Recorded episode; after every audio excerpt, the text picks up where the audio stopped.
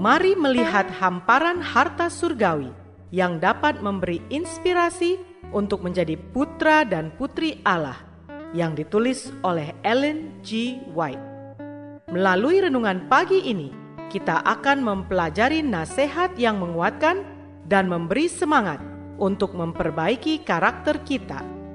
Bersama Mana Multimedia Ministry, selamat mendengarkan.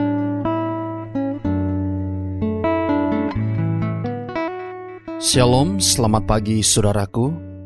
Renungan pagi kita hari ini, 8 September, berjudul Pengaruh Rumah Tangga Kristen yang Menjangkau Jauh.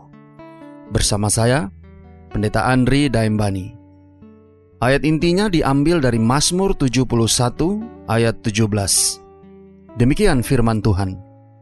Ya Allah, Engkau telah mengajar aku sejak kecilku dan sampai sekarang aku memberitakan perbuatanmu yang ajaib.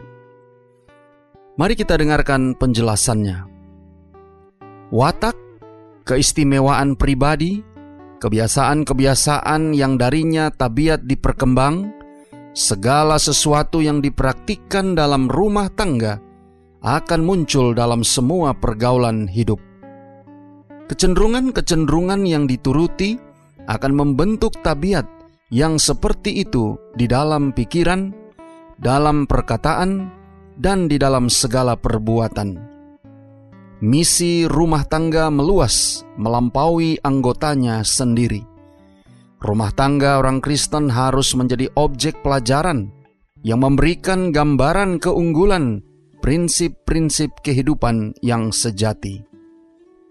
Gambaran seperti itu akan menjadi kekuatan untuk kebaikan di dunia. Jauh lebih kuat daripada khotbah, apa pun yang akan dapat dihotbahkan adalah pengaruh rumah tangga sejati. Sewaktu orang muda keluar dari rumah seperti itu, pelajaran yang telah mereka pelajari disampaikan. Prinsip kehidupan yang lebih mulia diperkenalkan ke rumah tangga lain dan pengaruh yang menggembirakan bekerja di masyarakat. Rumah tangga di mana para anggotanya sopan, orang-orang Kristen yang hormat, memberi pengaruh yang luas untuk kebaikan. Keluarga lain akan menandai hasil yang diperoleh oleh rumah tangga seperti itu dan akan mengikuti teladan yang ditetapkan pada gilirannya menjaga rumah tangga terhadap pengaruh setan.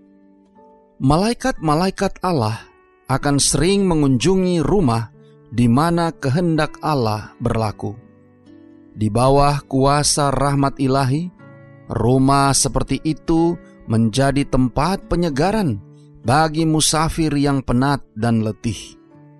Dengan waspada, diri harus dijaga agar tidak ditonjolkan. Kebiasaan yang benar terbentuk. Ada pengakuan cermat atas hak orang lain. Iman yang bekerja dengan kasih dan memurnikan jiwa, memegang kendali, memimpin seluruh anggota rumah tangga. Di bawah pengaruh kudus dari rumah tangga seperti itu, prinsip persaudaraan yang ditetapkan dalam firman Allah lebih banyak diakui dan dipatuhi.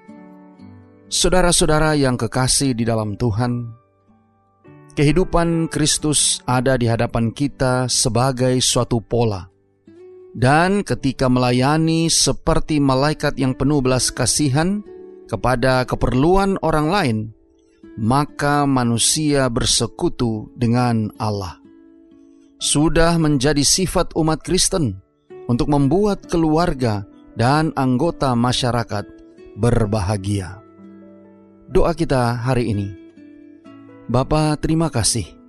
Melalui renungan pagi ini, kami sekali lagi diingatkan tentang pelajaran yang penting sehubungan dengan pengaruh rumah tangga Kristen. Terima kasih melalui renungan pagi ini, kami diingatkan bahwa setiap rumah tangga memiliki tanggung jawab untuk menjangkau lebih jauh dari rumah tangga masing-masing. Tolong kami hari ini Bapa. Biarlah dengan pertolongan kuasa roh kudusmu, kami boleh dapat disanggupkan menghidupkan firman yang sudah kami dengarkan, agar rumah tangga-rumah tangga Kristen yang kami miliki dapat membawa pengaruh yang baik, menjangkau keluar rumah tangga, menjadi saluran berkat bagi dunia. Terima kasih Bapa. Inilah doa dan permohonan kami kepadamu. Di dalam nama Yesus kami berdoa.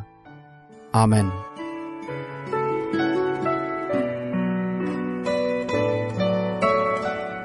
Demikianlah tadi pembahasan tentang menjadi putra dan putri Allah. Semoga firman Tuhan hari ini menjadi berkat bagi Anda. Sampai jumpa, Tuhan memberkati.